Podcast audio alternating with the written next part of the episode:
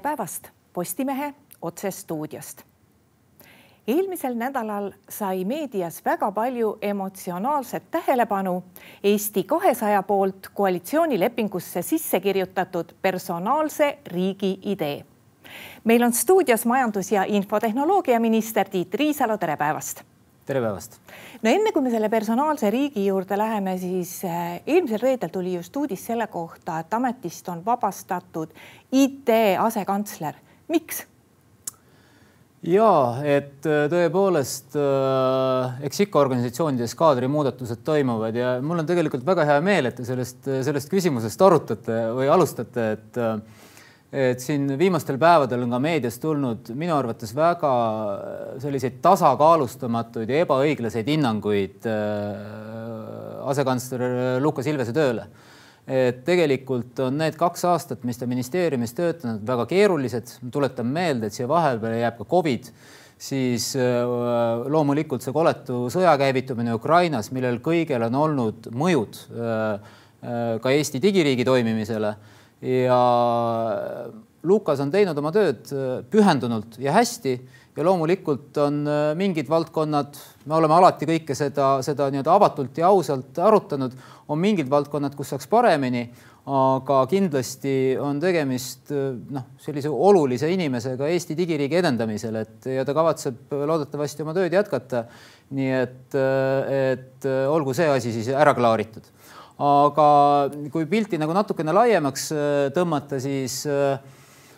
kahe tuhande kahekümne kolmas aasta ongi Majandus- ja Kommunikatsiooniministeeriumis ja ennekõike selle nii-öelda tehnoloogia osas või siis selles IT ja digitehnoloogiaid puudutavates osades olnud üks suur planeerimisaasta. et äh, me seisame selliste suurte muudatuste lävel ja, ja selleks, et ja need suured muudatusi me saame teha selle tõttu, et selleks on olemas juba küps tehnoloogia ja mm, selleks, et teha tehnoloogiliselt õigeid otsuseid, ei ole mõttekas, meil on ühelt poolt nagu kiire, aga teiselt poolt eh, ei ole mõttekas ka ülemäära tormata, sest need otsused, mida me teeme, tegelikult mõjutavad meie digiriigi tulevikku lähemate aastate, kui mitte kümne aasta jooksul. Ja, ja selle planeerimise protsessi oleme me nüüdseks katuse alla saanud, on, meil on selge sõiduplaan olemas, kuhu me erinevates valdkondades liigume, aga loomulikult selle käigus äh, sai ka arutatud seda, et, et need nii-öelda tipptegijad, kes meil Eesti digiriiki ehitavad, et nad saaksid pühenduda oma energia just nendele valdkondadele, kus nad on kõige tugevamad. Ja sellise ühtse arutelu käigus me leidsime ka siis äh, Lukas Ilvesele nii-öelda sellise Äh, või õigemini oli see noh, selline nii-öelda mitmepoolne kokkulepe, et, et kuidas ta siis oma energiat saaks optimaalsemalt äh, lahendada või rakendada. no äh, kõige rohkem emotsioone tõenäoliselt nende inimeste mm. puhul, kes selle personaalse riigi puhul ei taha liigselt süveneda sellesse, mis mm. räägitakse, siis kõige rohkem emotsioone tekitab see rahanumber ehk siis see kakssada miljonit eurot. kas see on, kas see on üldse õige summa? Ei, kindlasti mitte, et võin, võin ausalt välja öelda, et ega seda, eks see õige summa on nagu selgumisel, aga võib-olla nagu praegu on võimalus seda, seda nagu lugu pisut lahti rääkida, et, et kuidas üldse siis Majandus- ja Kommunikatsiooniministeeriumi digivaldkonnas rahastusplaane tehakse. ja noh, raha on väga konkreetne asi, antud juhul on siis väljund riigieelarvesse ja kui me rääkisime läbi selle aasta eelarvet, siis eelmise aasta suvel siis äh, selle nii-öelda kuulsal Vihula kohtumisel, siis äh, MKM-i poolt oli meil paika pandud äh, kolm prioriteeti. esimene on siis Eesti digiriigi baasinfrastruktuur, et see peab funktsioneerima, ka see nõuab pidevat täiendamist, meil on kogunenud teatud tehnoloogiline võlg ja me väga põhjalikult valmistasime selle ette, erinevad stsenaariumid, mida, millise raha eest siis saab ja, ja kandsime selle siis seal oma äh, valitsuskaaslastele, koalitsioonipartnerite ette. teine prioriteet oli küberturvalisus, kus me võtsime täpselt selle sama lähenduse, et sa pead andma sellise üldise ülevaate erinevate nii-öelda vajaduste vahel konkreetsete projektide kaupa ja vajadusel siis minema nagu sinna sisse ja, ja noh, väga rõõmustav oli see, et, et äh, teised valitsuse liikmed said aru selle valdkonna rahastusvajadusest ja see oli ju tegelikult üks valdkondi, mis selles pingelises eelarves äh, täiendavat lisarahastust sai. ja kolmas prioriteet oli meil siis personaalse riigi arendamine ja toona saigi seal Vihulas öeldud, et nende sammude jaoks, mis meil praegu on vaja selle vundamendi ehitamiseks piltlikult öeldes vaja, et need vahendid on meil olemas aga me tahame tulla kindlasti järgmise aasta eelarveprotsessi siis juba läbimõeldud, läbimõtestatud ja detailselt põhjendatud äh, vajadustega ja siis ongi otsustamise koht, et et äh, nii-öelda rahavajadusi on palju, et kuhu siis, äh, kuhu siis need rõhud panna. miks see päevakorda tekkis nüüd jaanuaris, mitte suvel nagu tavaliselt, on see, et, et me ju eelmisest eelarveprotsessist väljusime siis tegelikult selle neljasaja miljoni sisustamata maksuga. ja mõistlik oligi äh, käivitada need arutelud juba varem ja meie ettepanek oli siis see, et mitte rääkida üksnes nendest maksudest, vaid äh, võtta pilt laiemalt ette ja siis saigi valitsuspartneritele, koalitsioonikaaslastele tutvustatud, et mis võiks olla siis nüüd selle kolmanda prioriteedi tegelikult äh, Äh, reaalseteks tegevusteks vajalikud vahendid, suurusjärgud, et see ei ole loomulikult lõplik summa, aga see ei ole ka päris laest, laest võetud summa. ja mis on selle asja poolest positiivne, on see, et kui me eelmisel suvel pidime kõik selle ju loetud päevade või nädalatega kokku panema, siis nüüd on meil aega selleks kuus kuud, et äh, tegelikult plaanid paika panna selles diskussioonis, mis on praegu puhkenud, saada ka aru, millised on need teravad küsimused, millest aru ei saada ja siis anda neile adekvaatne vastus no üks asi, eh, millest on hästi palju räägitud, on mm. räägitud sellest, et meil ei ole seda riigiga suhtlemise mobiiliäppi. kas me ja. selle võiksime juba tänavu aasta saada? ja kindlasti, kindlasti me selle sellel aastal saame. et eh, kui nüüd rääkida sellest personaalsest riigist natukene laiemalt et siis äh, ma mõtlesin, et äkki ma, ma nii-öelda äh, juhatan sisse ühe konkreetse näitega. kas ma võin küsida, kas ma võin küsida nagu sellise põhi, et saada aru, et mida me selle personaalse riigiga teeme. kas me põhimõtteliselt peame lammutama kogu selle täna toimiva erinevate ametkondade noh, erinevalt toimuva IT-riigi või me saame seda kohandades hakata midagi tegema, et põhimõtteliselt, kas me renoveerime või siis ütleme, ehitame kõik uuesti üles no lihtne vastus on, et me renoveerime targalt, et, et loomulikult ja kogu see nii-öelda ideoloogia üldiselt või, või see vaade on see, et me peame nii-öelda seda Eesti riigi ennekõike siis seda tarkvaralist digiriigi poolt kasutama võimalikult targalt ja jätkusuutlikult. et tegema sellise revisjoni, et vaatama seal, millised rakendused on endiselt kasutatavad ja sellisel kombel, et neid saab lihtsalt edasi arendada ja mingitel puhkudel on otstarbekam äh, üles ehitada süsteem nullist. ja siin saavadki ka kokku need kaks protsessi, mis, mis paralleelselt käivad, et äh, tegelikult kõlab bürokraatlikult, aga meil käib ka ju nullieelarve protsess et mille käigus me tegelikult siis vaatame ja mitte ainult Majandus- ja Kommunikatsiooniministeerium, vaid ka siis Sotsiaalministeerium ja Rahandusministeerium elu, esimeste ministeeriumitena teenus teenuse haaval et mis on need teenused, mida me osutame, kas need on vajalikud, noh, enamus neist on vajalikud, kas ei ole dubleerimisi? Ja, ja kui on dubleerimised, siis need nagu kokku panna. Ja siis loomulikult tekib ka sealjuures küsimus, et kuidas seda võimalikult efektiivselt teha. Ja need arutelud käivad. Äh, sellel nädalalgi on terve rida kohtumisi sellel teemal, aga see ei ole ka ju asi iseeneses, et noh, Eesti puhul me ju tegelikult enamus nendest teenustest osutame digitaalselt ja, ja siin need kaks protsessi saavadki kokku, et, et ühelt poolt me teeme nii-öelda riigireformi või revideerime riiki ja teiselt poolt saame kohe paralleelselt äh, tegeleda sellega, et kuidas seda siis võimalikult hästi teha. ja, ja noh, siin see, siin see näide ongi, eks ole, nende dubleerimiste kohta, et pahatihti need dubleerimised tekivad sellest, et äh, erinevad äh, ametiasutused äh, teevad õiget asja aga need noh, need pildid ei pruugi alati kokku saada ja see annab meile võimaluse need pildid ära ühitada ja siis leppida ka kokku, et me koos läheme edasi nende teenuste arendamisel ja sellel on siis juba väga praktiline väljund. Eh, kui see personaalne riik on meil valmis, siis missugune see ide ideaalne pilt on, kuidas me siis suhtleme riigiga? Jah, et siin peab natuke minema sellisesse nii-öelda fantaasiamaailma, aga, aga ma usun, et Eesti inimestel fantaasiat on, et ja tänu, tänu millele meil on fantaasiat, on see, et meil on tegelikult see digiriigi kogemus, et kui me seal üheksakümnendate lõpus ja kahe tuhandete alguses alustasime, eks tegelikult need arutelud olid ju samasugused. Et noh, miks meil seda vaja on ja kas siis tegelikult äh, ega see digiriik meil ju riiki ei kaitse, eks ole, ja, ja posti koju ei vii. noh, tänapäeval, tänapäeval me võime öelda, et selle digiriigi nii-öelda arendamisest kokku hoitud raha, mis on meie, meie ja selle, selle kohta on väga sellised adekvaatsed arvutused või mudelid, et me ju säästame tegelikult kaks protsenti aastas oma sisemajanduse kogutoodangust, mis enam-vähem ongi see, mis me oleme, no nüüd küll rohkem, eks ole, kaitsele kulutanud. Aga tõepoolest see, see on nagu selline noh, ühiskonda läbiv, läbiv või ühiskonnakorralduse küsimus. Ja, ja selle tõttu me oleme sellega niivõrd harjunud, et, et aeg-ajalt me isegi ei pane seda enam tähele. aga kui nüüd tulevikku fantaseerida, siis no üks kujund, mida me nagu kasutanud oleme, on selline puukujund, et noh, kujutate ette tamme, tal on niisugune üks tugev tüvi ja sellest väljub siis ilus võra, mis moodustab sellise harmoonilise terviku. Ja, ja sellel, sellel võral on, ütleme, kolm sellist olulist sellist oksa või, või haru, eks ole, et üks on minu andmed, kõik, mis puudutavad mind. teine on minu kohustused ja kolmas minu õigused.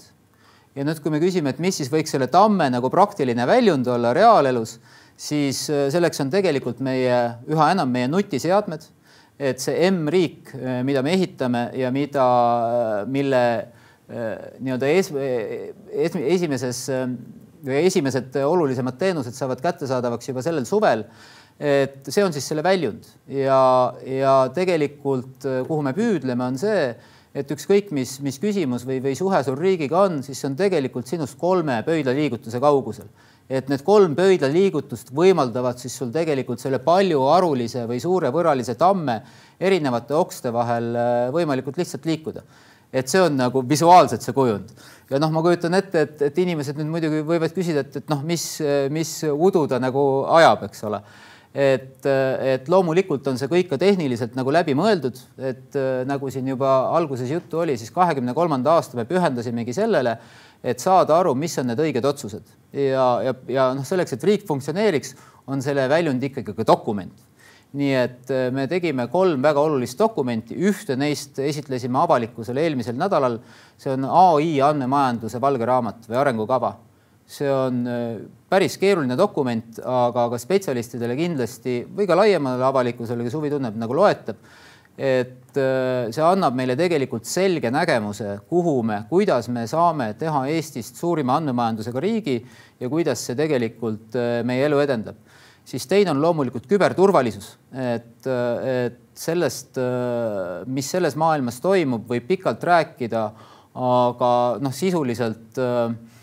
sõltume me selles, selle toimimisest nagu, nagu ülipalju, ma võin tuua lihtsa näite, kolm nädalat tagasi äh, siis ründasid häkkerid äh, Rootsi riigi personali haldamise süsteemi, krüpteerisid selle andmebaasi, mis tegelikult halvas äh, väga palju seda toime, toimetamist, kaasa arvatud see, et ei olnud võimalik inimestele palkasid välja maksta. Eestis selliseid asju juhtunud ei ole, aga see on igapäevane sisuline töö ja kolmas, mis on meie digiriigi oluline alussammas, on see, et kuidas meil on nii palju kasutajaid ja me saame turvaliselt äh, häid teenuseid osutada, on see, et meil on tugev, hästi kaitstud elektrooniline identiteet. aga maailm areneb ka selles vallas ja me oleme siis teinud uue elektroonilise identiteedi arengukava, et need on, mida me peame silmas pidama ka seoses kvantarvutuse äh, üha suurema esile või nii-öelda edenemisega selles valdkonnas silmas pidama ja see annab meile tehnilise baasi selleks, et siis kontseptuaalselt liikuda personaalse riigi suunas. see dokument ei ole nii tehniline, aga ta tegelikult annab sellise nii-öelda mõtteviisi, et kuidas me peame mõtlema oma digiteenuste ülesehitamisest ja fookuses siin on ennekõike inimene, et need digiriigi arenguetapid ongi sellised, et kui me seal kuskil kaks tuhat alustasime, et siis justkui nagu see käilakuju oli selline noh, nii-öelda patsiga poiss tark tehnoloog, kes ütles, et me saame teha tehnoloogiliselt selliseid asju ja valmis Eesti e-valitsus, mida käidi siis äh, ime, äh, imetlemas. siis järgmine etapp kaks tuhat kümme kuni kaks tuhat kakskümmend, et seal ütleme selliseks käilakujuks on selline, ma ei tea, tark valgustatud riigiametnik, kes ütles, et nii, nüüd me hakkame oma teenuseid digitaliseerima ühelt poolt selleks, et meil oleks nagu mugav oma tööd teha, aga loomulikult ka inimestel nagu mugav seda tarbida. Aga ta oli ennekõike ikkagi nii-öelda ametkonna vaatest ja selle tõttu ongi tekkinud nagu need aja jooksul need erinevad silod. ja personaalne riik on siis tegelikult see, et äh, kõlab suureliselt, aga täpselt see vaade tulebki võtta, et sa asetad ennast siis selle kodaniku või ka ettevõtja tooli ja ehitad seda teenust üles tema silmade läbi võimalikult mugavaks nimetasite mitu korda, et kahe tuhandendatel või kahe tuhandeta mm. alguses me olime eeskuju maailmas. Eh, praegu on ju teada, et eh, meie suured IT-ettevõtjad käivad nõustamas ja abiks arendamas mm. mujal maailmas. kas nad juba praegu pakuvad seal lahendusi mida meil Eestis ei ole ja meie oleme ise juba maha jäänud, kui palju me oleme maha jäänud, kui palju meid, meist ollakse juba kusagil paremad? ja ma võin, äh, möödunud nädalal just viibisin Londonis, et äh, koos siis Eesti fintech ettevõtjatega ja tehnoloogiaettevõtjatega ja oli seal terve rida kohtumisi, noh, ennekõike suunatud siis ka äh, nii-öelda digiriigi äh, arendamisega tegelevate äh,, tegelevate inimestega ja, ja noh, võib-olla sealt niisugune väike, väike lihtsalt õpetus, et äh, Briti digiriik oli kümme aastat tagasi või kümmekond aastat tagasi maailmas üks juhtivaid. Ja, ja noh, meie kõrval siis, eks ole, oluliselt suuremana. ja nüüd nad äh, tõdevad seal kahjuks, eks ole, et nende areng äh, on seiskunud, et äh, ka igasugustes mõõdetavates indeksites on nad oluliselt nagu taga ta,, tahapoole kukkunud ja tegelikult ehitavad alles seda versiooni oma digiriigist, mis meil praegu funktsioneerib, see, see nii-öelda digiriik kaks null ja, ja kui me rääkisime oma plaanidest ja sellest, mismoodi meie näeme nii andmete, ai, äh, identiteedi, küberturvalisuse rakendamist nii-öelda kodaniku ja ettevõtja kesksete teenuste ülesehitamisel ja et me juba praktikas tegeleme sellega, noh, siis sealt äh, peegeldus vastu natuke sellist äh, heatahtlikku kadedust.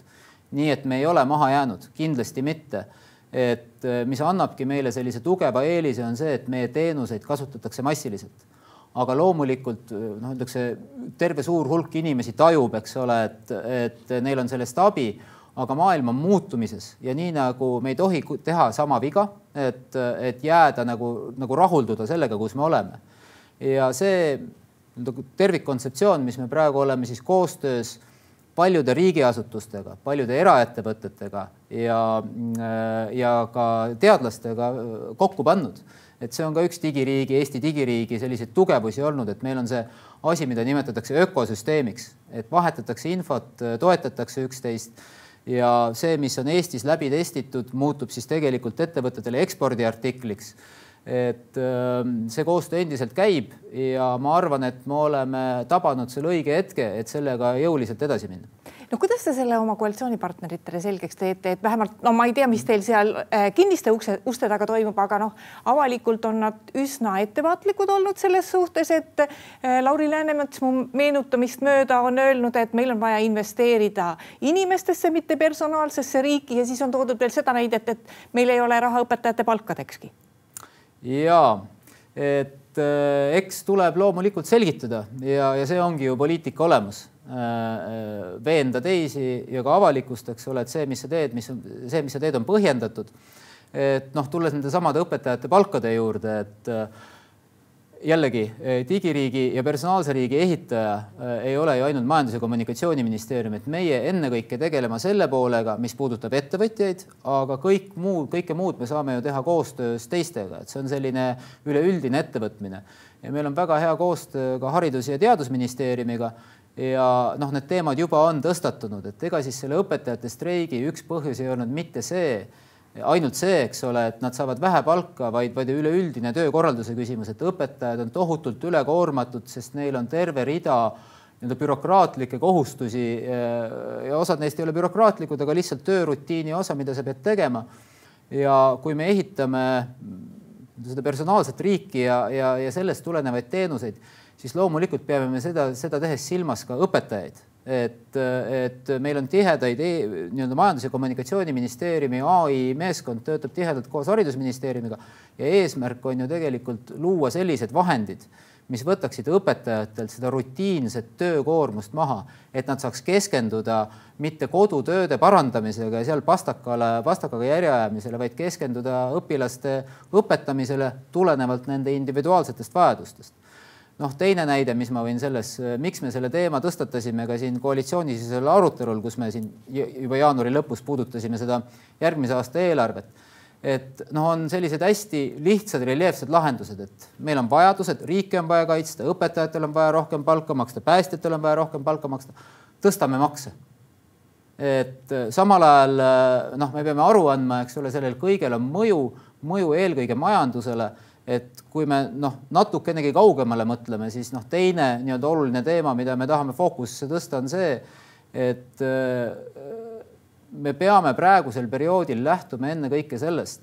et iga otsus, mis me teeme, me peame kaaluma, kuidas see mõjutab majanduse konkurentsivõimet, sest ainult tegelikult arenev ja kasvav majandus natukenegi pikemas perspektiivis loob meile selle võimaluse arendada oma riiki, kaitsta seda, maksta väärikat palka